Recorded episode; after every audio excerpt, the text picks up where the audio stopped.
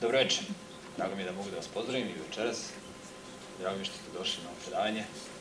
Što znači da ja nisam sam po pitanju interesovanja za ova pitanja. Znači još neko se interesuje i to mi je drago. Obično kada se drže naučna predavanja ili predavanja vezano za neku nauku, ljudi vole dolaze iz znatiželje. Znate, postoje na predavanja da ne emisije kao što su opstanak, tako naučno-popularnog tipa. Međutim, mi ne želimo da se, moja namera nije ovde da ja zabavljam nekoga, nego želim da tretiram neka važna pitanja koja ćemo mi moći u svom životu praktično da primenimo. Dakle, da nakon jednog predavanja ja budem osposobljen da mogu kvalitetni da živim, odnosno da mogu kvalitetni da gledam činjenice oko sebe i ovaj svet oko sebe na jedan drugačiji način, na jedan kvalitetni način. Ako ova predavanja ne pomažu ljudima da imaju bolji uvid na sve ono što se dešava oko njih, onda ova predavanja zaista nemaju svrhu. Ja se nadam da, što postoji interesovanje, da, da ste vi zainteresovani za ova pitanja za koje sam ja zainteresovan. Ja sam veoma zainteresovan i sva moja aktivnost je vezana za ova pitanja. Ja inače ne radim u nijednoj firmi gde se bavim nekim pitanjima za platu. Ja se bavim naučno-istraživačkim radom, tretirajući isključivo pitanja porekla. I postoji istraživački centar koji je osnovala ekipa ljudi koji nevladna organizacija Centar za primjeničke studije, koji mi finansiramo i koji mi istražujemo. Dakle, niko ne, nam ne kaže šta mi da istražujemo. U stvari, mi smatramo da postoji neko ko nam kaže šta da istražujemo i onda mi sledimo ta upustva. I mi smatramo da taj koji nam kaže šta da radimo, isti onaj koji je rekao i Mojsiju šta da radi. Mi smatramo da, da imamo istog poslodavca. Celokupnu ljudsku istoriju i celokupna dešavanja na planeti Zemlji mogli bi da podelimo u dva velika perioda. U period pre potopna, pre potopa ili prepotopni period i period posle potopna. Sve je drugačije, mogli bi da kažemo, u prepotop, na predpotopnoj zemlji i na poslepotopnoj zemlji. Sve je drugačije. Zašto? Planeta Zemlja kada je stvorena, ona je stvarana na jedan vrlo specifičan način. I na vrlo logičan način, mogu da kažem. Prvo su stvoreni uslovi za život na planeti Zemlji. I kada čitamo izveštaj o stvaranju, koji nam je dao Mojsi, imamo izveštaj detaljno kako je planeta Zemlja stvarana. Mi smo taj izveštaj detaljno testirali i videli smo da je on validan. Da Mojsi nije mogao da zna to što je zapisao, ali da mu je jednostavno bilo otkriveno od strane onoga koji je bio svedok. Mi ne znamo kako je nastala planeta Zemlja i kada je nastala, I mi to možemo da znamo samo ako nam otkrije neko ko to zna. Ko to zna? Pa zna onaj koji je tome prisustvovao. I on nam daje izveštaj preko određenih ljudi o tome šta se desilo. Mi smo o tome govorili. Dakle, postoji jedan narod, postoji jevrijski narod preko koga je tvorac dao između ostalog pisano otkrivenje. O najvažnijim događajima vezano za istoriju. Takođe, nama su data otkrivenja i za budućnost. Dakle, onaj koji je stvorio univerzum, koji je stvorio planetu za njom, zna i budućnost. Ali on nam daje i istoriju koja je za nas bitna. One istorijske momente koji će nama biti važni. Oni koji su nevažni nisu nam dati, nisu nam otkriveni. I mi znamo, na osnovu tog izveštaja, da je planeta Zemlja stvarana tako što je u početku bila stvorena sirova materija. Ja sam o tome govorio. I istraživanje pokazuju da je, da je ta sirova materija stvorena skoro trenutno, ako sećate onih polonijum prstenova, kada sam govorio nastanku zemlje, oticima stvaranja. Dakle, prvog dana stvaranja je stvorena sirova, sirova materija. Zatim, e, dalje je došlo od toga da je stvorena svetlost. Svetlost je bitna da, da, da, da postoji. Da bi mogao da bi mogla se stvoriti, da kažemo, pozornica za nastanak života. Dakle, postojala je svetlost. Tvorac je dao jedan izvor svetlosti. Mi ne znamo kakav je to bio izvor svetlosti u početku, ali on je postojao. Zatim je stvoren vodeni omotač iznad atmosfere, što je vrlo važno. Dakle, planeta Zemlja imala vodeni omotač iznad atmosfere koji je stvarao efekt staklene bašte. Tako da je klima na planeti Zemlji bila umerena. Izvešte kaže da nije moglo da pada kiša na toj prepotopnoj, na toj zemlji u početku. Mi sad živimo u poslepotopnoj, poslepotopnoj civilizaciji, poslepotopnoj. Ovo je bila, ovo je da kažemo bila zemlja pre potopa. Dakle, zemlja u početku kako izgleda. Dakle, imala taj vodni motač koji je stvarao efekt staklene bašte. Šta je efekt staklene bašte? Verujem da svi znate šta je efekt staklene bašte, ali možda da kažem nekoliko reči. Energija koju dobijamo sa sunca, ona otprilike negde oko 50% te energije dospeva do površine zemlje. Zato što postoji ta atmosfera koja štiti između ostalo. Kada bi svih 100% dolazilo, život bi na zemlji bio spržen. Ne bi uopšte mogo da egzistira. Onda se ta energija emituje, odbija se od, od zemlje, delimično se upija i delimično se odbija i emituje se u svemir. Emituje se u kosmos. Međutim, pošto postoji vodeni motač, onda se ta energija delimično ponovo odbija od tog vodnog motača, od, tog, od te staklene bašte, tako da se vrši dodatno zagrevanje. I na osnovu izveštaja koji nam je dao Mojsije, Mojsije i na osnovu same građe planete Zemlje koji možemo čitati, možemo da pretpostavimo da je klima na planeti Zemlji bila umerena. Dakle, na svim meridijanima bila je umerena klima. Nije mogla da pada kiša. Zašto nije mogla da pada kiša? Pa prvo, nije mogla da pada kiša zato što nije bilo vetrova. Zašto nije bilo vetrova? Dakle, bila je umerena klima, nije bilo velikih temperaturnih razlika. Čim nema temperaturnih razlika, nema, nema vetrova. Atmosfera je bila prilično sterilna, mogli bi da kažemo, nije bila zagađena, nije bilo prljavštine. A prašina je potrebna kada postoje vetrovi, zato što su te ta, ta zrnca prašine klice kondenzacije. Ljudi u početku nisu ni znali za postojanje oblaka. Razumete? Oblaci su u nižim slojima atmosfere. Dakle, vodni motor se nalazio iznad. I klima na planeti Zemlje je bila umerenih blaga. Postojala, samo se kaže, a, a, a, rosa a, na, natapala je Zemlju. Samo rosa. Usled dnevno-noćnih razlika u temperaturi. Dakle, umerena klima na svim meridijanima. I kada, su, kada, je, kada je stvoren taj ambijent, onda su prvo stvorene biljke. Tako kaže izveštaj, što je vrlo logično. Jer biljke su jedini proizvođači hrane na planeti Zemlji. Biljke. Životinje i ljudi su konzumenti ili potrošači. Dakle, stvorene su biljke. Nakon stvaranja biljaka, tvorac stvara alternativne izvore svetlosti. Sunce, mesec i zvezde. I onda se ova pravobitno, pravobitni izvor svetlosti sklanja i postoje taj, ti alternativni, kao da je tvorac upalio neke baterije neke alternativne izvore svetlosti na nebu. I mi na danas imamo te izvore koji danas postoje, koji danas egzistuju. Svetlost je potrebna za život biljaka, naravno. I onda, nakon toga, petog dana stvaranja i šestog stvorenje, stvorene su životinje. I konačno, šestog dana stvaranja, kao vrhunac stvaranja, stvorenje čoveka. Dakle, takvi su bili uslovi. To je bila najkraći jedan, jedan pregled stvaranja i uslovi na planeti Zemlji su bili, da kažemo, zaista idealni. Na osnovu fosilnog zapisa mi možemo da vidimo da danas na planeti Zemlji živi samo 1% organizama koji je nekada živeo. Dakle, nekada je život bujao na planeti Zemlji. Pazite, danas samo 1% organizama. Dakle, uslovi života su danas se veoma pogoršili u odnosu na ono kako su nekada bili. I nekada je zaista život bujao na planeti Zemlji, tako tvrdi Mojsijev izveštaj. Dakle, život je bujao na svim meridijanima. Ja sam o tome govorio u jednom od prethodnih predavanja, ali evo istorijsku ću priliku da o tome kažem nešto više. Dakle, nije bilo ledenih kapa, nije bilo večitog snega i leda, nije bilo pustinja gde života nema, suda je bila blaga klima i suda je bujao život. I mi na osnovu fosilnog zapisa tako nešto možemo da potvrdimo. Naprimer, na lokalitetima gde je večiti sneg i led, mi pronalazimo fosilne ostatke tropskih organizama. Na ovom slajdu vidite jednog paleontologa koji drži tropsku školjku u ruci, koju je izvadio iz večitog leda severnog pola. Takođe na severnom polu se pronalaze jastozi, morski krastavci i mnogi, mnogi drugi tropski organizmi. Pronađene su takođe fosilizovane zmije, salamandre. Takođe, na lokalitetima gde večiti sneg i led pronalazimo fosilizovane dinosauruse. Podsjećam da su dinosaurusi gmizavci, Znate da su bizaci takozvane poikilaterne životinje ili hladnokrvne životinje koje ne mogu da regulišu svoju temperaturu, telesnu temperaturu i oni mogu da žive u uslovima blage klime. Da nema temperaturnih kolebanja. Čim su velika temperaturna kolebanja, oni ne mogu da egzistiraju.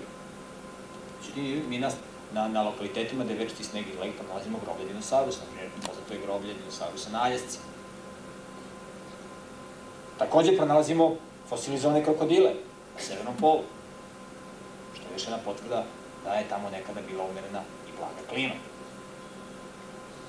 Mi ćemo govoriti u sledećem predavanju kako konvencionalno objašnjenje objašnjava i, daje objašnjenje za, za Oni tvrde da su, da su da je lokalitet Crvenog pola nekada bio uh, na jugu, pa se pomerio ovaj, na gore. Mi ćemo vidjeti koliko je taj izveštaj važan. Takođe, ne samo da pronalazimo fosilne ostatke životinja, pronalazimo fosilne ostatke biljaka. Tamo gde je večiti sneg i led. Dakle, tamo gde života danas nema, tamo je nekada bujao život. Šta je ugalj? Ugalj je metamorfisani bini materijal. Međutim, važno je zapaziti da da bi nastao 1 metar uglja, potrebno je negde do 20 metara biljnog materijala. Sad vi zamislite imate paket uglja 50 metara. Dakle, oko kilometar biljnog materijala je moralo da se nataloži negde do kilometra da bi nastao sloj uglja od 50 metara. Dakle, nekada je zaista bujala vegetacija na planeti Zemlji. I mi imamo fosilne ostatke koji to potvrđuju. Tamo gde je večiti sneg i led. Takođe vi znate da su najveće rezerve nafte tamo gde takođe života skoro da nema. U pustinjama, dakle, u žarkom pojasu. U takvim uslovima koji su postojali na planeti Zemlji nekada, živjeli su ljudi. Živjela je ta prepotopna civilizacija. I ti ljudi su bili drugačiji nego što smo mi. I mi kada uzmemo da čitamo izveštaj koji je zapisao Mojsija, možemo da vidimo da su ti ljudi bili divovi. Da su veoma dugo živili. Tako imamo izveštaj da je Adam živeo 930 godina. Da je njegov sin Sit živeo 912 godina. Pa njegov unuk Enos 905 i tako red. Dakle, ljudi su živeli negde u proseku oko 900 godina. Tada. I vidimo da negde ima 10 generacija od Adama pa sve do Noja. Noja je 10. generacija koje su zapisane u, u, u Bibliji u ovom Mojsijevom izveštaju, dakle, deset generacija ljudi koji su živjeli veoma dugo. Veoma dugo. I zaista, u takvim uslovima oni su mogli da žive. Da li mi zaista možemo da tvrdimo da su oni mogli da žive? Na osnovu fosilnog zapisa i na osnovu ovoga što vidimo, da je klima nekada na zemlji bila drugačija, možemo da, da verujemo u tako nešto. Međutim, a, postoje fosilni ostaci tih prepotopnih ljudi i mi sa njima raspoložemo tako da možemo da zaista verujemo da je koncept koji je zapisao Mojsi naučno validan. Jedno od najspektakularnijih otkrića ovoga veka bilo je sredinom a, sredinom ovoga veka kada je u dolini reke Paluksi u slojima za koje konvencionalna teorija tvrdi da su stari 65 miliona godina kada su pronađeni fosilizovani ostaci ogromnog čoveka fosilizovani otisci stopala ogromnog čoveka Najpre se smatralo da su ovi otisci, da je ovaj otiske stopala ostavio a, triceratops, jedan petoprsti dinosaurus, pošto su u tim slojima pronađene dve vrste stopala, troprstog dinosaurusa, tiranozaurusa i petoprstog za koga se smatralo da je triceratops. Međutim, istraženja su pokazala da su koncepta stvaranja su otkrili da, da u pitanju uopšte nije triceratops, nego da je u pitanju, da su u pitanju otisci stopala čoveka. I to su bili ogromni otisci. Dakle, nema ni govora da je ove otiske mogu da ostavi neki neka životinja. Dakle, u pitanju je neki hominid. Ovakvu morfologiju stopala imaju samo ljudi. I u pitanju su ogromna stopala. Dužina ovih stopala se kreće do 65 cm u dužini. Dakle, do 65 cm. Stopalo čoveka koji nosi broj cipele 44 je dugačko oko 25 cm. Ova stopala su do 65 cm dugačka. Evo kada su poredi sa savrnog čoveka, vidimo da su to bili zaista ogromni ljudi. Takođe, istraživanje su pokazala da na osnovu otisaka i na osnovu dubljenja ovih stopala, da su ovi ljudi bili teški a, nekoliko stotina kilograma. Takođe, pogledajte, a, možemo da vidimo da su ovi otisci stopala veliki kao stopala dinosaurusa. Dakle, ljudi su bili veoma krupni. Znate, dinosauri su životinje koje su bile visoke preko 8 metara, dugačke preko 30 metara, težile nekoliko desetina tona. I na osnovu fosilnog zapisa možemo da kažemo, ako je to zapisano u jednom časopisu, da su dinosaurusi kao da su bili kućni ljubimci ljudi nekada. Dakle, ljudi i dinosaurus su nekada živeli zajedno. Kada su živeli oni? Na osnovu Mojsevog izveštaja, oni su živeli pre nekih 6000 godina. Zato što je stvaranje planete Zemlje i ovog svemira koji mi vidimo bilo pre oko 6000 godina. Mi ne znamo tačno godinu, pre tačno koliko godina, ali znamo da je otprilike pre oko 6000 godina. Kako to znamo? Znamo na osnovu genealogije. Dakle, imamo godine kad je živo Adam, koliko je živo, kad je bio njegov sin i tačno na osnovu rodoslova mi možemo da vidimo koliko je to trajalo. Međutim, postoje neki, postoje neki gepovi, postoje neka mesta gde ne možemo tačno da uhvatimo, kao da tvorac nije to da nam da tačan izveštaj, da mi ne bi mogli da kalkulišemo. Tako da ne možemo tačnu godinu da znamo, ali vidimo otprilike koliko je. Red veličine 10, 20, možda 30 godina, plus minus. Svako ko čita može da, da vidi koliko, koliko, koliko je to red veličine. Tako da možemo da vidimo a, a, da je planeta Zemlja stvorena pre oko 6000 godina, a potop je bio pre oko 4300 godina. Dakle, 1656. godine od stvaranja. Dakle, 1656 godina je trajao i, i postojao taj prepotopni svet. Kada su živjeli ovi ogromni ljudi. Dakle, veoma skoro i tada su živjeli dinosaurusi. E sada, prema konvencionalnoj teoriji, dinosaurusi su izumrli pre 65 miliona godina. I smatra se da su ovi slojevi stena stari negde 75 do 130 miliona godina, zavisi ko priča, 65 do 130 miliona godina. Međutim, istraživanja su pokazala, kada su pronađeni, kada su pronađena fosilizovana jaja a, dinosaurusa, u tim jajima je pronađen molekul DNK. Vi znate da je DNK molekul u kome je zapisana je zapisan taj kompjuterski program, taj složeni program koji determiniše nas, našu tu fizičku komponentu, mogli bi da kažem. Dakle, taj program, ti geni. Međutim, taj molekul veoma brzo dezintegriše kada dođe, kada organizam ugine. Dakle, kada organizam ugine, molekul DNK veoma brzo dezintegriše. I može za nekih 10.000 godina taj molekul totalno dezintegriše. Njegova stopa raspada je veoma, veoma brza. Međutim, objavljeno je, objavio je jedan poznati izvoj, Reuter, je objavio pronalazak jajeta dinosaurusa u Kini, za koga se, za jaje dinosaurusa koje se smatra da je 70 miliona godina staro, u tom jajetu je, je sačuvan delimično DNK. Znači, taj molekul koji se veoma brzo dezintegriše, on je sačuvan. Što znači da to jaje nema ni govor da je staro milione godina. On je staro samo par hiljada godina. Znači, ljudi i dinosaurusi su živili veoma skoro. I ovi otisci stopala su nastali veoma skoro, kao što tvrdi Mojsijev izveštaj. Takođe u tim slojima stena pronađeni su, pronađen je fosilizovan prst, fosilizovan prst čoveka, on je bio prelomljen, njegova dužina je bila 7,5 cm, inače u punoj dužini ovaj prst je bio dugačak oko 15 cm. Da je u pitanju pravi prst, pokazuje i presek, radi se o, vidi se košna srž, Ja sam inače ove slajdove već prikazivao u onoj seriji koju sam držao, ali evo sad za one koji su možda prvi put, da ponovim, i za one koji su slušali da ponovim, zato što je vezano za ovu temu. Takođe, kada se pod skenerom pogleda ovaj prst, vidi se košna srž, dakle, u pitanju je pravi prst. Ovde napred okat. Dakle, u tim slojima, dakle, prst dugačak 15 cm, dakle, veoma dugačak prst. Takođe, u tim slojima pronađeni su i otisci alata, koji je nekada bio korišten. Pronađeni su čekići, dleta, buzdovani, koji su težili i do 15 kg. Dakle, je vrlo krupno oruđe, što ukazuje da su ljudi koji su koristili takođe bili krupni. Ono što je takođe veoma interesantno jeste legura od koje je, na primjer, napravljen konkretno ovaj čekić. To je legura gvožđa i hlora, koja danas ne može da se napravi. I metaluži su bili ovaj, metaloži su bili iznenađeni i zapanjeni kada su pronašli ovakav čekić. Jer u sadašnjim atmosferskim uslovima, u sadašnjim prilikama, u sadašnjim uslovima koji postoje na planeti Zemlji, ovako nešto ne može da se napravi, ovakav čekić. Što je još jedan argument u prilog toga da je klima nekada bila drugačija na planeti Zemlji. Potpuno drugačija. Drugačiji uslovi.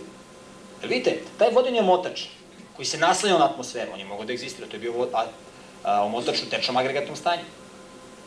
Neko će kaže kako može voda da stoji iznad atmosfere može. Postoji sila gravitacije koja ga privlači dole.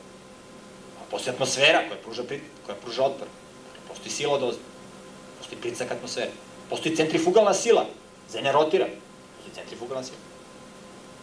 I upravo zato što je postojao taj vodeni motač između ostalog, bio je veći atmosferski pritisak na planeti Zemlji. sigurno je bio veći atmosferski pritisak. I vi znate, što je takođe bila povoljna okolnost, vi znate da danas lekari koriste a, lečenje i primenjuju lečenje pri povećanom atmosferskom pritisku. Vi znate da rane brže zaceljuju pri povećanom atmosferskom pritisku. Dakle, rane su nekada brže zaceljivale, zaceljivale kod pretpotopnih ljudi. Dakle, i upravo zato što je bilo između ostalog i veći atmosferski pritisak, dakle, bile, bile potpuno drugačiji su bili uslovi života. I da kažemo, veoma drugačiji uslovi života odnosno na uslove koji danas postoje, mogli su da se, da se, naprave, da se prave ovakva oruđa koje mi pronalazimo. Ne samo da pronalazimo fosilizovane uh, otiske stopola, pronalazimo i fosilizovane ostatke ljudi koji su nekada živeli. Ovo su fosilni ostaci lobanja koji su pronađeni na lokalitetima Perua i Meksika. Ovde možete da vidite kako izgleda savremena lobna savremenog čoveka. Ove lobanje su malo neobičnog oblika, neobične morfologije. Znači, njihova zaprimina je između 1600 do 3200 kubnih santimetara. Između 1600 i 3200. Inače, lobanje savremenog čoveka iznosi, ima zapriminu 1450 kubnih santimetara. 1450. A ove su između 1600 do 3200. Dakle, skoro dva i po puta veće po zapriminu. Zašto su one ovake? Sad to je pitanje koje bi mi mogli da tretiramo. Postoje razne vrste lobanja, dakle nisu sve ovako izdužene. Neki imaju malo manje izdužen, neki malo više izdužen oblik, neki imaju neki ovalan oblik. Ono što je važno, ovo je jedno od najvećih lobanja, koje je pronađena, ono što je, dakle, ovi, ove lobanje su pronađene na lokalitetima Peru i Meksiko. Ovo je inače enigma za konvencionalnu nauku, za evolucijni koncept, otkud ovako velike lobanje. Ono što je interesantno jeste da da su, da postoji primjer da su kod a, kod, indijan, kod nekih indijanskih plemena su, ra, su rađeni i stvoreni su neki deformiteti slični ovima. Naprimjer, ovo je takođe jedna velika lobanja. Međutim, primetili ste da su one prethodne lobanje bile izdužene. I neka indijanska plemena su uradila a, to da su svojim decama stavljali a, daske na, na čela i onda su ih vezivale i onda kako su deca rasle, kako im se oblikovala lobanja, a, onda su im lobanje postale tako izdužene, zato što se smatralo da će deca sa takvim lobanjama biti pametniji. Vrlo je moguće da su i ovi ljudi koji su nekada živili na planeti Zemlji koristili istu metodologiju, pošto je to iracionalno i nerazumno da se tako nešto radi. Verovatno je isti izvor isto izvor nadahnuća nadahnu i ove indijanci i ove pretpotopne ljude. Možemo da prepostavimo, to je sad jedno filozofsko pitanje u kome možemo da, da diskutujemo. Ali ono što je bitno da su, ti, da su te lobanje krupne i velike. Ja sam gostovao ljude koji se bave anatomijom, nema ni govora da se ovde radi o nekom deformitetu. To, pri, to priznaju i zastupci konvencionalne teorije. Ovo je, sad, ovo je za sada misterija u paleontologiji, ove lobanje. Postoji jedan fenomen kod dece, zove se hidrocefalus, kada otekne lobanja, znate. Ovde nema ni govora o, o hidrocefalusu, o oteknuću lobanja. Dakle, ovo nije nikav deformitet koji pozne savremena medicina. Ovo su bile, ovo su bile odrasle jedinke koji su imali takve oblike lobanja, različitih oblika.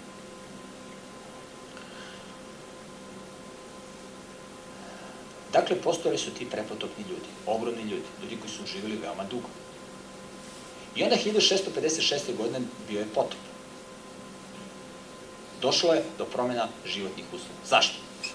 Izvešte kaže da je ovaj vodeni omotač se jednostavno obrušio na planetu Zemlju. Padala je kiša 40 dana i 40 noći.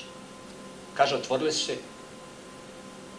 izvori velikoga bezdana, između ostalo. Dakle, reč za bezdan na jevrijskom tehom znači veliku dubinu, velike vode. Dakle, voda je izbijala od ozdo i voda je padala od ozgo. Dakle, postojali su dva izvora odakle voda dopirala od ozgo i od ozgo. I 40 dana je padala kiša, posle toga 150 dana bila zemlja sva pod vodom. Dakle, kada je bio potop, na predpotopnoj zemlji mi nismo imali geografiju kao što je sadašnja. Mi smo imali olike planine i olika brda. I vi kada biste sva brda i sve planine poravnali, danas na planeti Zemlji, imali biste okean dubog oko 2,5 km.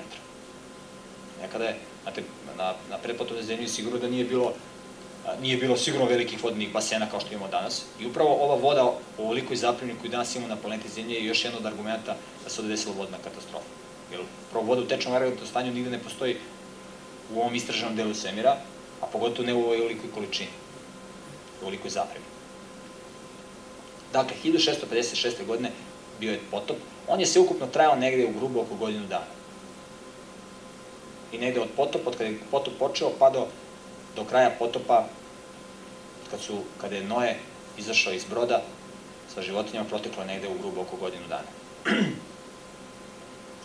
E sada, nakon potopa, kada analiziramo genealogiju, šta se dešavao, kakav je bio životni vek, dolazimo do, do zanimljivog izveštaja. Naime, pogledajte god, životnu dob ljudi posle potopa. Videli smo pre potopa, ljudi su živili negde u prosjeku oko 900 godina. A pogledajte sad. Noe je živio 950 godina. Njegov sin Sim je živio 600 godina. Pa, Simov sin Arfaksad 438, pogledajte, 433, 464 i tako redom. Naprimer, Ever je karakterističan po tome što je sahranio šest generacija, to se nikad nije desilo u istoriji. Šest generacija iza sebe sahranio Ever. I onda imamo od Noja za samo 16 generacija da je životni vek pravo pao na preko, sa preko 900 godina na negde oko 80 godina. Dakle, pre potopa, u proseku visoka životna, i onda rapidan pad životne dobi. Zašto? Zašto je ovako rapidno pao a, život, životni vek ljudi na planeti Zemlji? Zašto?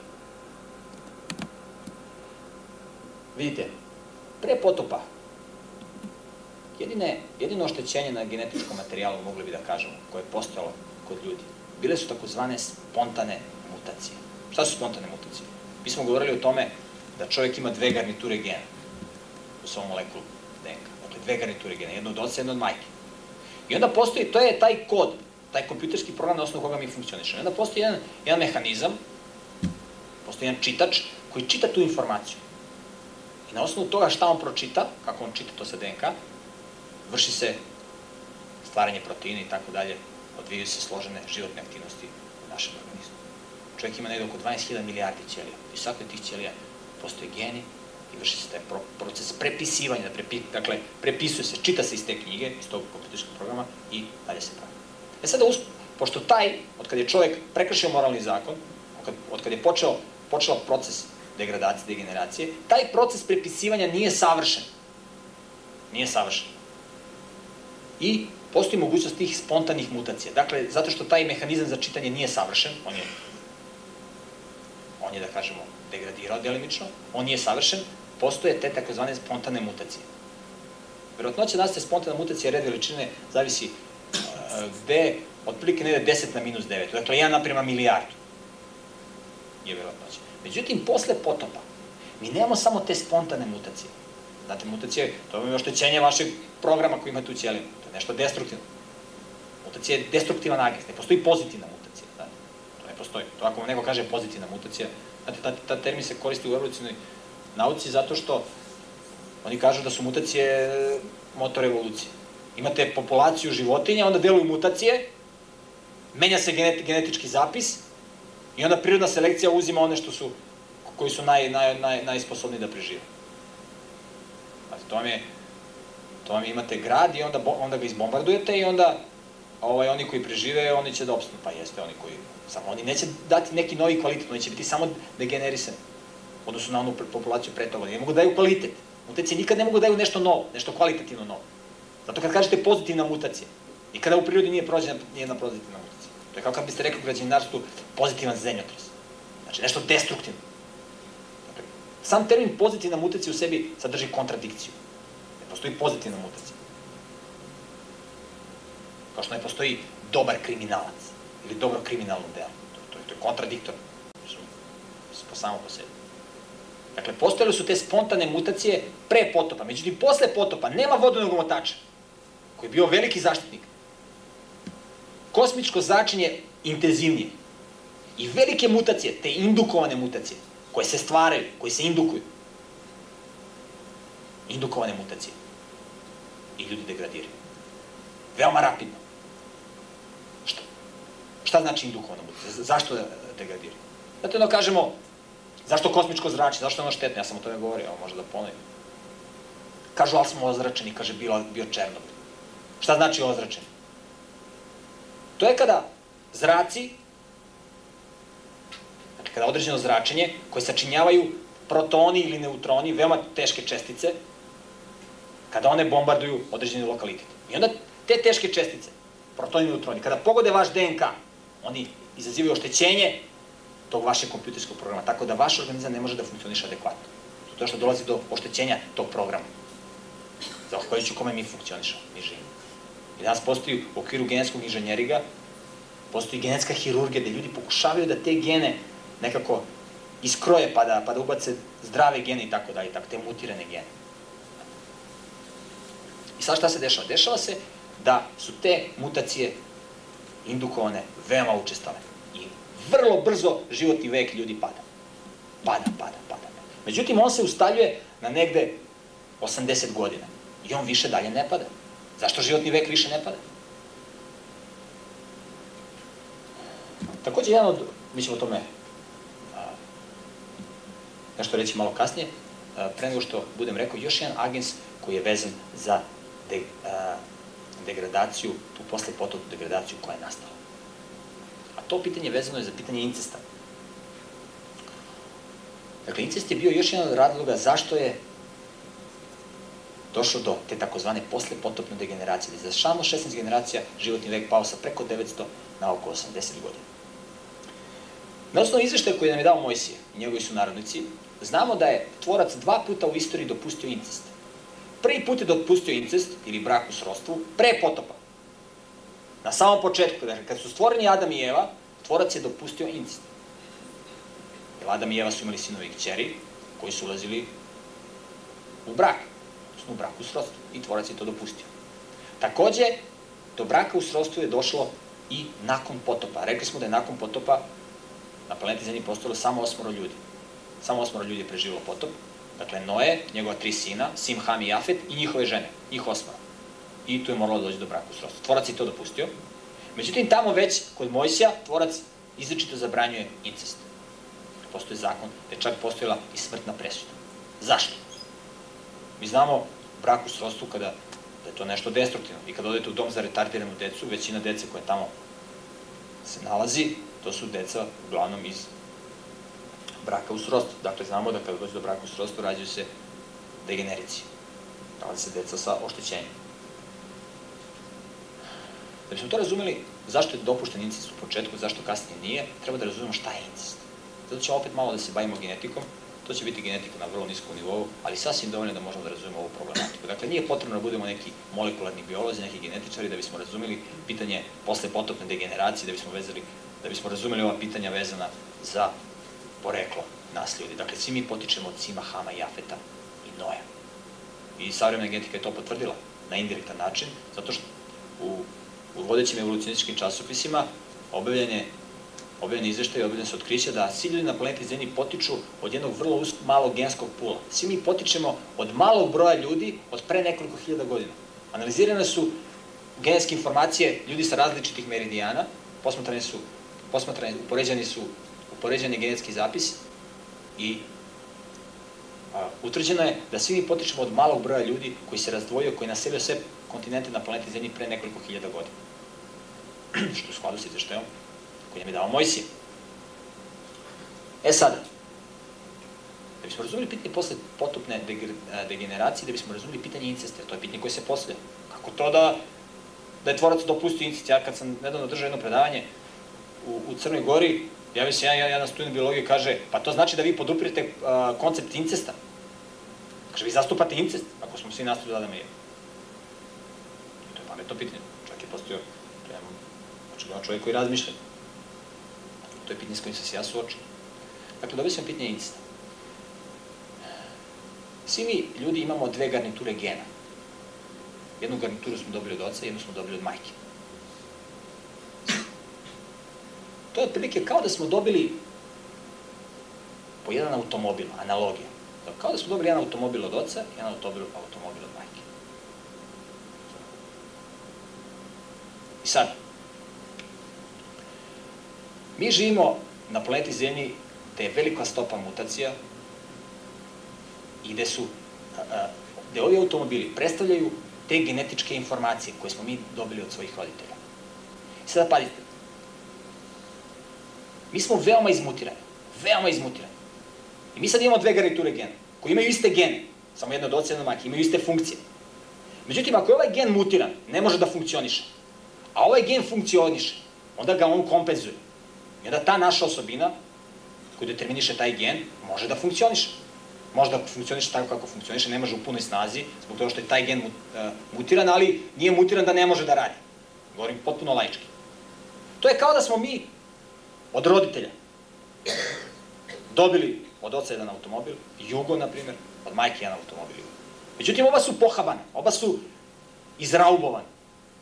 I onda mi, na primjer, ovde ne radi točak. Mi ga skinemo pa ga prebacimo na ovaj. I onda mi krpimo. Od jednog uzimamo jednog, od drugog uzimamo drugog. Tako i kod nas. Imamo dve garniture gena. I onda krpimo. Razumete? I sad nema veze što, na primjer, oštećena šofer šajebna, što je oštećen branik. Auto, automobil može da ide. Nema veze što je ovaj gen mutiran ili ovaj. Mi možemo da živimo. Mi ne živimo sa potencijalima koje imao Adam. Ali mi opet živimo. Međutim, šta se dalje dešava? Sada pazite. Dolazi se do, do braka u srodstvu. Vi, na primjer, možete potencijalno, ako su vaši roditelji sa ovog lokaliteta, u Vojvodini, vi možete da očekujete, očekujete ako oni ovde žive, da će automobili koje oni voze imati slično oštećenja u odnosu na automobile koji se voze, na primjer, u Izraelu. Na primjer, vi svoj auto garažirate, vi ga čuvate, vi ga vozite samo kad je lepo vreme, jer može dugo da vam traje. Kako ste imali pre potopa? Dobra genetska struktura. Adam je izašao savršen iz Božih ruku. I on funkcioniše, razumete? Međutim, posle potopa nema vodenog motača. Posle potopa vi ne možete da garažirate svoj auto, po znacima navoda. Promenjeni uslovi sredine. Vi ste vamo vozili auto samo kad je lepo vreme. Ne. I sada degradacija. Vaš auto izložen nepogodama, kiši, snegu, mrazu. Vi ga vozite. Vi ga vozite. A sad pazite, drugačiji su uslovi u Vojvodini, u Jugoslaviji, u Hrvatskoj, i u Bosni, a drugačiji su uslovi u Izraelu. I sada, kada vi dobijete jedan auto Jugo, ovde u, ovde u Jugoslaviji, jedan auto, i drugi auto takođe koji je vožen u Jugoslaviji, možete da očekujete da će oštećenja na automobilima biti sličnog porekla, da će biti sličnog karaktera. Razumete? I sada vi dobijate dva automobila od iste osobe. Od iste, dobijate od brata i sestre. Jedan od brata, jedan od sestre. To su vaši roditelji. Ulazite. Vi ste potomak iz braka u srodstvu. Dakle, automobili, odnosno genetičke strukture koje imaju veoma slične mutacije, veoma slično oštećenje. I sada, ovaj gen mutiran, mutiran je ovaj gen. Verovatnoća da se poklope mutirani geni, da se poklope ti geni u homozigotno stanje je veoma veća. A kad je vaš otac, na primjer, odavde, a majka, na primjer, iz Izrela, na primjer, onda verovatnoća da su isti geni mutirani, mnogo manja. Veoma manja. Zato se kaže, kaže, melezi su najbolji. Zašto se kaže? Zato što majka, ne znam, tamo iz, iz, iz Engleske, a otac iz, iz Afrike. Dakle, totalno drugačije mutacije. I onda kad oni uđu u brak, razumete, mnogo kvalitetnije, da kažemo, genetska struktura. Nije baš tako da su melezi najbolji, to nije, to nije tačno, ali je verovatnoća naj, naj, najmanja da, da se poklope geni u homozigotno stanje. Razumete? I sad šta vi imate pre potopa? Vi pre potopa imate stvoren Adam, savršen, nema ni jednu mutaciju. Razumete? Nema ni jednu mutaciju. Eva je stvorena od njega, ona takođe nema jednu mutaciju. I sada njihovi, njihova deca ulaze u brak u srodstvu. Kakva, će, kakva su njihova deca? Njihova deca takođe su čista genetička struktura. Nema mutacije. Oni ulaze u brak u srodstvu, kako će biti potomstvo? Bez mutacije. Eventualno spontane mutacije i nema tog, da kažemo, neženog efekta koji mi znamo da je vezan za incest. Dakle, postoji brak u srodstvu, ali nema neženih efekata. Međutim, šta se dešava posle potopa? Posle potopa imamo indukovane mutacije. Imamo veliku stopu mutiranja, veliku stopu oštećenja. I to se direktno odražava na životnu dob ljudi. Direktno. Da vidimo matematički, da vidite kolika je to stopa i koliko se to odraža. Vidite, od stepena srodstva, što, što ste s nekim bliži u srodstvu, to je veća verovatnoća da se poklope ti, da kažemo, mutirani geni, da se poklope geni u homozigotno stanje. Veća verovatnoća. Kako izgleda to matematički? Broj gena koji će da se poklopi u homozigotno stanje, broj gena koji će da se poklope, izračuna se po formuli jedna polovina na n. n je stepen srodstva. I sad zamislite, vi imate šesti stepen srodstva. Dakle, vi ulazite u brak sa nekim koji vama rođak šest, šestog kolena. Broj gena koji će da se poklopi iznosi 1 64 od ukupnog broja gena. Čovjek ima negde između 30.000 i 100.000 gena. Dakle, broj gena koji će se poklopi, dakle, 30.000 do 100.000 gena. Ako uzmemo, na primjer, da čovjek ima 64.000 gena, radi lakše računice. Poklopit će se 1000 gena. 1000 gena. Dakle, negde između 700 do 1000 i po gena će se poklopiti u šestom stepenu srodstva. Otprilike negde, kažemo, prosjeko 1000 gena. Pazite, 1000 gena da se poklopi.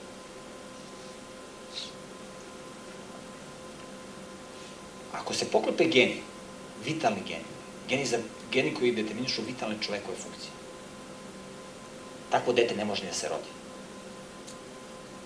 Na primer, vi imate oštećenje na automobilima koje ste nasledili od oca i od majke. Imate dva automobila. Na primjer, imate oštećenje, oštećen branik i ovde i ovde. Nema problema, automobil, automobil funkcioniše. Međutim, vama imate onda oštećenje drugo. Imate da je pokidano crevo između rezervoara i, i karburatora i motora. Sad ne može benzin da dođe do, do, do motora. I kod jednog i kod drugog automobila. Ne možete da ga vozite. Razumete? Ako imate mutaciju, ne, ne može, imate mutaciju, ne može dođe do, do lučenja insulina, ne može da se reguliše količina šećera u krvi. I sad šta da radite? Ne može, ne, čovjek ne može da živi. Ali onda on veštački sebi daje insulin. Tako mi, na primjer, kad bi nam kad bi se desilo toga da, da, da, da nam se pokida crevo, a ne možemo da ga zamenimo, nismo ušli u mehaniku automobila, mi smo samo dobili automobile, mi ne znamo s njima da funkcionišemo. Tako je nama dat život. Nam je data, dat genetski potencijal, mi s njima ne znamo da baratamo. Mi ne znamo kako se menja gen. I onda mi veštački dademo insulin. Tako bismo mi možda veštački mogli da napravimo neko crevo iz kabine pa da sipamo benzin. Razumete? Bez creva za redove. Dakle, na neki veštački način. Bilo bi elegantnije kad bismo mi mogli da zamenimo crevo. Ali mi ne znamo. Bilo bi lepo kad bismo mi znali da zamenimo taj mutirani gen pa da se insulin luči kako treba, da to organizujemo, ali mi ne poznajemo dovoljno genetiku. Mi radimo na to, ne postoji ta genska hirurgija. Ali mi smo malo odmakli. Jer nama je, to što je nama da taj potencijal, to je nešto neverovatno, to je nešto strašno. Strašno složno i strašno komplikovano. I sada, šta vi imate posle potopa? Samo osmoro ljudi je preživjelo. Oni morali da ulaze u brak u srodstvu, ali više oni nemaju čistu genetsku strukturu kao što su imali Adam i Eva i prepotopni ljudi. Nego sada oni imaju, oni su sada sve više i više mutirani. A ulaze u brak u srodstvu i verovatnoća da se poklope mutirani geni je sve veće i veće.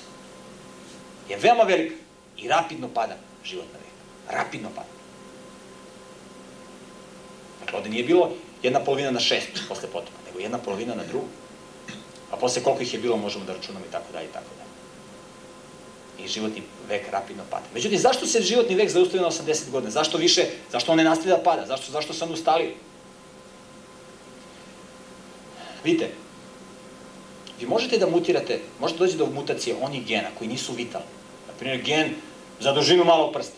On se mutira, dođe do oštećenja, to toliko nije bitno. Gen za mutaciju, ne znam, za pigmentaciju ili šta ja znam. Imate albino jedinke, znate oni koji su nepigmentisani. I tako dalje, i tako dalje. Ali znate kada mutacija pogodi vitalni gen, na primjer za rad srca, tako dete ne može da se rodi. Vi možete da oštećujete svoj automobil. Da mu, da mu, da mu slomite šofer šajbe, da mu slomite krov, branik i ove. Ali postoje neka oštećenja koje ako vi imate na automobilu, vi ne možete da vozite automobil. Ne možete. E tako kod čoveka isto. Vi možete, mož, mogu da se akumuliraju mutacije na takozvanim nevitalnim genima. Tako mogu da se akumuliraju, oštećenja na automobilu na nevitalnim, na nevitalnim delovima, ajde tako kažem. I onda dolazi do mutiranja, mutiranja, ali dolazi do određenog stop, do jednog određenog nivoa kada više ne može. mogu da se mutiraju ti nevitalni geni, oni su zasićeni, ako, ako se nastavi mutiranje, dete ne može da se rodi. Tako vi, vi možete da štećete sve automobila, on ide nekako, on, on nekako gura, za, upali se posle desetog puta. On ide, ali dođe jedan trenutak, kada se on ošteti, kada on više ne može da ide, razumete, ne može. Ne možete da ga vozite. Ne može da se popravi. Vi ne možete da ga popravite, da. Postoji neko ko može da popravi. Postoji majstor, postoji mehaničar. Tako postoji neko ko nas može da isceli, koji nas može da popravi, koji može te deformacije da, da ispegla. Samo je pitanje da li mi hoćemo da taj nes, nas neko preoblikuje, da nas vrati u prvobitno stanje. To je pitanje da li mi hoćemo. Taj koji, koji hoće, pa pazite, taj koji nas može da, da ispravi, on, on to hoće, ali on neće da lomi našu ličnost. Nego pitanje da li mi hoćemo. Mi uvijek kažemo mi hoćemo. Da li mi hoćemo ili nećemo, to pokazujemo mi svojim životom. Mi kažemo ja hoću da budem zdrav, ja hoću da funkcionišem ispravno. A ne poštujem zakone zdravlja. Mi svojim životom pokazujemo šta mi hoćemo u životu. Dakle, jedno je kako se mi deklarišemo, a drugo je kako živimo. Ono kako živimo, to je važno. A to kako se deklarišemo, to je, to je nevažno. Svi mi se deklarišemo kako smo pošteni. Kako mi živimo. Svi se mi deklarišemo kako smo dobri muževi, dobre žene i do, dobra deca i tako dalje. Ali kako mi živimo, znate? Ako hoćete vidite kakav ste, kakav ste muž ili žena, pogledajte, pogledajte se u ogledalu moralnog zakona. Ako pitate vašu suprugu ili vašeg muža kakva ste muž žena, možete da dobijete krivu sliku zbog toga što suprugu ili, ili supruga mogu da budu pogrešan kriterijum. Ali siguran kriterijum kada se pogledate u ogledalu moralnog zakona. To je siguran kriterijum. Znate, kad su muž i žena narkomani, koji će jedan drugom da kaže super, odličan. Ali, ali kada se mi pogledamo u ogledalo moralnog zakona, ćemo da vidimo i kako smo mi. Zato mi volimo da se upoređujemo sa ljudima, znate. Mi nećemo da, da se upoređujemo sa, sa visokim kriterijumima, razumete? Mi kažemo, pa pogledaj, kad, nekome, kad, neko, kad neko vidi da je loš, on kaže, a vidi kakvi su drugi. Ne možemo mi tuđim blatom da peremo svoje blato. Ne može. Ako smo ozbiljni. Ali to je, ali znate, zabluda je potrebna čoveku. Takve zablude? Zabluda je intelektualna potreba greholjubivog čoveka. Čovjek koji hoće da, da radi protiv svog života, njemu je zabluda potrebna, da on umiruje svoju savest. Pa jeste, ja to radim, pa vidiš kakvi su drugi, pa to svi rade. Pa, znate, kako, kak, kakva postoji argumentacija? To su iracionalni argumenti. To nisu racionalni, to su iracionalni argumenti. I čovjek koji, koji, koji koristi tu metodologiju, gubi zdrav razum. To je proces kako se gubi zdrav razum, onda čovjek postane životinja, onda, onda nema kriterijuma više. Dakle, za samo 16 generacija životni vek pada. Dolazi do određenog nivoa kada više ne može da se degradi. Ne može. Dalja degradacija bi izazvala da se, da se, da se ljudi ne rađaju. Vi, vi nas znate da se mnoga deca ne rađaju. Mislim, rode se, ali, ali, ali mrtvi. Nažalost. Dakle, to je razlog zašto životni vek više ne pada. To je razlog. Ali vidite, da je više ljudi htelo Boga posle potopa, stopa degradacije bi bila sporija. Bilo ih je samo osmoro, induku, koji su bili izloženi tim takozvanim indukovnim Da ih je bilo 8000. Onda bi proces incesta imao, ne bi imao tako štetne posledice. Ne bi ni bilo incesta zbog toga što je bilo više familije. Svi su oni, da kažemo, rodbinski veznici su nastali od Adama i Eve, svi su oni, na primjer, neko 17, 18, 19 koleno, zavisi, zavisi koja generacija kako se postavlja. No je bio 10. Znači da nije, da nije bilo više od 10 generacija. Znači da ih je bilo više, da ih je bilo čak nego oko 18. Ali da je više ljudi htelo Boga, stopa degradacije bila, bila sporija. Tako i danas. Kada bi više ljudi htelo moralna načela, kada bi više ljudi htelo ono što Bog kaže, kako bismo mi srećnom društvu živjeli? Ili u boljem društvu živjeli? Kada bi svako samo 5% učinio, hteo da, da učini bolje u svom životu, da, da bude izgrađeniji, da bude karakterin, da bude moralni. Znate kako bi se to odrazilo u našem životu? U sredini u kojem vi živimo. Zato mi treba svaki nas da se trudi da mi damo svoj doprinos. Mi ne da mi da gledamo šta drugi radi, nego šta, šta ja mogu da uradim. Smisao čovjekovog života je da, je da daje. A čovjek može da daje samo ako ima. Samo ako ima. Onaj koji nema, ne može da daje. I to je razlika između srećnih i nesrećnih ljudi, ja sam o tome govorio. Srećan čovjek je onaj koji daje sreću, zato što ima, onaj koji nema sreću, on ne može da daje. Mi treba da se osposobimo, da budemo srećni ljudi. Dakle, da se osposobimo. postoji metodologija kako mi možemo da budemo srećni i ona nam je data između ostalog i u pisnoj formi. Tvorac je dao preko jevreja i postoji to pisno otkrivenje koje mi možemo da čitamo ili da ne čitamo. Zbog toga što nama savest otupila, pa po savesti možemo puno da saznamo. A još kad imamo pisno otkrivenje, to onda, onda možemo, znate kako da izoštramo svoju savest. Znate, kad se bavimo preventivnom medicinom, mi znamo šta je zdravo, šta nije otprilike da se jede. A kad se bavimo preventivnom medicinom, znate kako mi možemo da budemo zdravi? Fizički, možemo da budemo fenomenalno zdravi. Dakle, to je bio razlog posle potopne degeneracije. Veoma brzo. Veoma brzo. Dakle, incest je u, u vreme Adama i Eve nije imao štetna, štetne konsekvence, štetne posledice. Posle potopa, on je morao da, da, da postoji, da bi se ljudi namnožili. Njegov uticaj već bio prisutan, ali za vreme Mojsija tvorac je zabranio incest. Zabranio. Poslije pitanje koje ću večeras tretirati u ovom, u ovom predavanju, a vezano je za pitanje prepotopne civilizacije, jeste koliko je prilike ljudi moglo da živi pre potopa. Kako je to bila populacija? Dakle, rekli smo da na planeti Zemlje je bila umerena klima, da nije bilo ovako velikih vodnih basena. Pitanje koje, se, koje bi još mogli da postavimo, koje smatram da je bilo interesantno u ovom momentu, jeste pitanje koliko je bilo ljudi, koliko ljudi živelo tada. Kada pogledamo a, kada su ljudi dobijali decu, vidjet ćemo da su ljudi dobijali decu negde između 70. do negde 130. 150. godine. Naprimjer, Noje do, Adam je dobio svog sina Sita kada je imao 130 godina. I onda neke analitičari, mi ćemo morati da oduzemo neke pretpostavke, ne možemo tačno da znamo, ali neke analitičari, ja ću iskoristiti njihove pretpostavke, smatruju da je svaka nova generacija nastala otprilike negde nakon 90 godina, u grubu. Nekad 90, možda 70, 90, otprilike. I polazi i počnemo od pretpostavke da su bračni parovi imali po šestoro dece u proseku. Dakle, 1656 godina od stvaranja do potopa. I tu se smatra da je možda živelo negde možda 12, 17, 16, zavisno ko priča, ali na primjer uzet ćemo mi da je živelo od, od stvaranja do potopa da je bilo 18 generacija. Da, imamo stvaranje, imamo potop. 1656 godina je sta, bila ta pretpotopna civilizacija. Poćemo od pretpostavke da je bilo 18 generacija od stvaranja do potopa. Broj ljudi koji žive u jednoj generaciji može se izračunati po formuli 2 puta 3 na n-tu. Ne polazimo opet od pretpostavke da je šestoro dece bilo u proseku u jednom braku.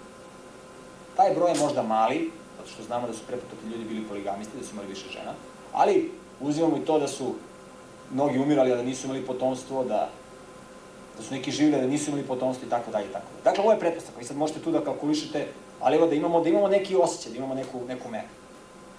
Dakle, broj ljudi u jednoj generaciji. Adam je bio, da kažemo, nulta generacija. Dakle, bilo ih je dvoje. On je, u prvoj generaciji imamo šestoro ljudi, dakle imali su šestoro dece, polazimo od pretpostavke, iako su oni imali sigurno više dece. Kako dobijamo? 2 puta 3 na prvu, to je 6.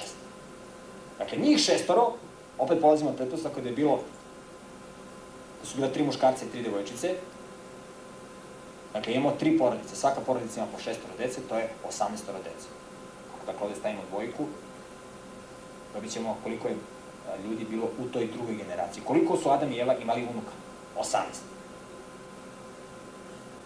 Dakle, uzeli smo pretpostavku da je bilo negde oko 18 generacija. U 17. generaciji, ako ovde stavimo broj 17, dobit ćemo da je pre potopa živilo 258 miliona ljudi u toj 17. generaciji. U 18. generaciji je bilo 774 miliona.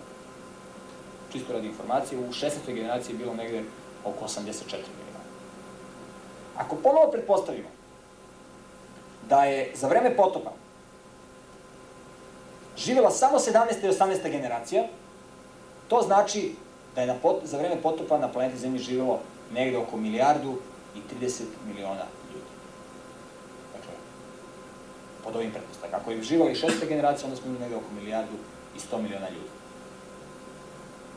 Dakle, oko milijardu ljudi pod ovim pretpostavkama. To je broj ljudi koji je mogao da egzistira pre potopa i koji je bio uništen za vreme potopa. Pitanje koje se takođe postavlja zašto nema fosilnih ostataka tih ljudi. Ja takođe podsjećam da broj, procentualni broj fosila, fosila kičmenjaka koje mi pronalazimo danas na planeti Zemlji je veoma malo. 95% svih fosila koje danas imamo, koji postoje, predstavljaju morski beskičmenjaci. Dakle, 95% fosila su morski beskičmenjaci. Mnogo manje od 1%, 0,0 nešto, predstavljaju kičmenjaci. Jedan mali broj, jedan, jedan mali postotak. Pogotovo kičmenjaci sisara. Dakle, verovatnoća da se fosilizuje kičmenjak je veoma malo. Morski organizmi se mnogo lakše bi mogli da se fosilizuju za vreme potopa, organizmi koji žive na morskom dnu lakše mogu da se zatrpaju. To što je bila vodna katastrofa, kao što smo rekli. Kopne, kopne životinje, kopni organizmi, oni imaju mogućnost da beže pred potopom, pred kišom. Ljudi imaju najveću mogućnost da pobegnu, tako zbog toga što su najinteligentnija bića i možemo da očekujemo da kada je bio potop da su oni pokušali da zauzmu vrhove brda i planine da se tako spasu. Tako da i, i to poveća, smanjuje verovatnoću da se pronađu fosilni ostaci prepotopnih ljudi. Međutim, fosilni ostaci se pronalazi i mi ih, i mi ih imamo. Oni nisu mnogobrojni. Dakle, to su neki od razloga. Takođe, postoji još jedan razlog, to je što današnja nauka se finansira iz izvora koji zastupaju konvencionalnu teoriju ili teoriju evolucije, tako da ja mogu da vam kažem da da u kontaktu sa mojim kolegama iz inostranstva koji se bave paleontologijom i geologijom imam informacije da su fosilni ostaci pretpotopnih ljudi pronalaženi na nekim mestima na, i na više lokaliteta, ali da nisu objavljeni, da su sklonjeni i tako dalje, zato što se ne uklapaju u konvencionalno objašnjenje. Naravno, ja verujem tim mojim kolegama, vi naravno možete da verujete meni ili ne verujete, to se toliko nije bitno, u samom slučaju mi imamo neke fosilne ostatke, koji su, ja verujem, sasvim dovoljni da mi možemo da prihvatimo koncept koji je dao Mojsije kao valide. Jer postoje mnoge druge činjenice koje idu u prilog koncepta. dakle, da ponovim, mi živimo u takozvanom poslepotopnom periodu. Pre potopa bili su drugi uslovi života. Pre potopa nije mogla kiša da pada. Prvi put je kiša pala za vreme potopa. I tvorac kaže, nakon potopa, daću vam znak da više nikada neću uništiti život na zemlji vodom, da više nikad neće biti vodenog potopa. I dajem znak, taj znak je duga, kaže tvorac. Ljudi su prvi put na osnovu Mojsevog izveštaja videli dugu nakon potopa, što je takođe još jedan od dokaza i, i, i, i, i logičnosti i konzistentnosti Mojsevog izveštaja, da je kiša prvi put pala za vreme potopa. I prvi put se tad pojavlja duga. I znate duga nastaje posle, posle kiša. Dakle, znak. Dakle, više nikada neće biti potopa ali vodenog potopa. Tvorac nije rekao da više neće biti potopa. Čitajući izvešte koje on daje za budućnost, mi možemo da vidimo da će biti još jedan potop. Da će biti ognjeni potop. Da kada je padala kiša sa neba. Nikada do tada nisu videli kišu. Oni su se smeli noju. Kako može kiša da pada? Tvorac je rekao da će padati oganj s neba. Da će biti ognjeni potop. Takođe, kada biste izašli nekome rekli da će da pada oganj s neba, ljudi bi se smejali. Mislim da nešto s vama nije u redu kako može da pada ovaj sneg. Tako. Mi to nikad nismo videli. Ima puno stvari koje mi nismo nikad videli. Oni postoje. To, to nije nikakav argument. Tek ako vi prihvatite naturalizam, ako prihvatite evolucionizam, onda vi možete da iznosite takve zaključke. Ali pitanje je koliko je ta početna pretpostavka validna. Koliko je evolucijna pretpostavka validna. Ako vi na evolucijnoj pretpostavki bazirate svoj život, onda, onda ste, onda ste da ste u velikom problemu, ja smatram. Dakle, tvorac je rekao da će biti potop. Da će biti potop, novi potop. I kao što nam je dao istorijski izveštaj, da mi znamo šta je bilo, tako nama daje eskatološki izveštaj za budućnost. Dakle, otkrivenje koje on vam daje je važno. Ne postoji nijedan segment koji je nebitan, ne postoji nijedan segment koji je periferan. Svi segmenti su važni i oni nam detaljno objasnjuju, objašnjavaju šta će biti analizirati prepotodnu civilizaciju je važno da bi se mogli da steknemo poverenje u ono što tvorac govori. U sledećem predavanju ja ću govoriti o Nojevoj barci i događajima vezanim za Nojevu barku. Vidjet ćemo da li je to mitološki izveštaj i koliko je taj izveštaj o barci validan. Znate, u Mojsinom izveštaju date detaljan opis koliko je bilo velika barka, kako su ušle životinje, koje životinje su ušle i tako dalje. Znate, ljudi postoje pitanje kako su mogli, vi imate danas milione vrsta da uđu u brod. Mi ćemo ta pitanja da tretiramo. Koliko je taj izveštaj validan i da li je tako nešto moguće? Da li je moj se izveštaj validan ili nije naučno? Mi ćemo iznositi činjenice, naravno, opet kažem, nismo, nije potrebno da budemo da imamo visoke akademske titule da bismo ova pitanja mogli da tretiramo. Treba samo da budemo malo ozbiljni, malo pošteni, ništa više. A nakon tog predavanja, idućeg ponedeljka, bit će jedna serija od četiri predavanja kojima ćemo tretirati jedno naučno pitanje koje je najkontraverznije. I naučno pitanje oko koga će se lomiti koplje u vrlo skoroj budućnosti. Koplje su već počela da se lome, ali to pitanje će biti veoma važno i bit, bit će veoma tretirano u skoroj budućnosti oko koga će se lomiti veoma važna i veoma bitna čovekova pitanja. Pitanja koja su veoma važna za čoveka. Vidjet ćemo kako će ona druga strana, ona neprijateljska strana, kakvu će strategiju imati u posljednjem velikom sukobu, u posljednjem, posljednjem velikom konfliktu koji će biti na planeti Zemlji. Mi ćemo to pitanje detaljno tretiramo u četiri predavanja. Prvo predavanje će biti uvodno, naravno, da ćemo da, da, da to pitanje detaljno analiziramo. Pitanje vezano za eskatologiju, a vezano za nauku. Dakle, da mi, ljudi koji živimo u urbanoj sredini, ljudi koji, koji, imamo, koji smo bombardovani sa raznim informacijama, imamo pravu informaciju, da, da imamo činjenice pred sobom, a onda ćemo, onda je svako poznan da valorizuje sam za sebe i da donosi određene zaključke.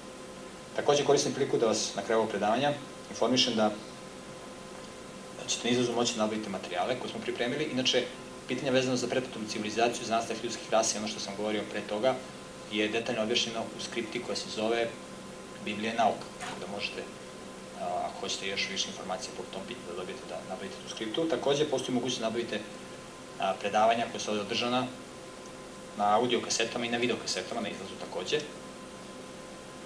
U sledećem predavanju ćete moći da dobiti informator sa detaljnim, sa kratkim opisom i e, tema koje će biti nakon idućeg ponedeljka, dakle sledeći ponedeljak je Noja Varka. A toliko od mene za večeras. Takođe, ukoliko imate pitanje, možete mi postaviti lično na kraju ovog predavanja. Ja vam svima želim prijatno laku noć. Thank you.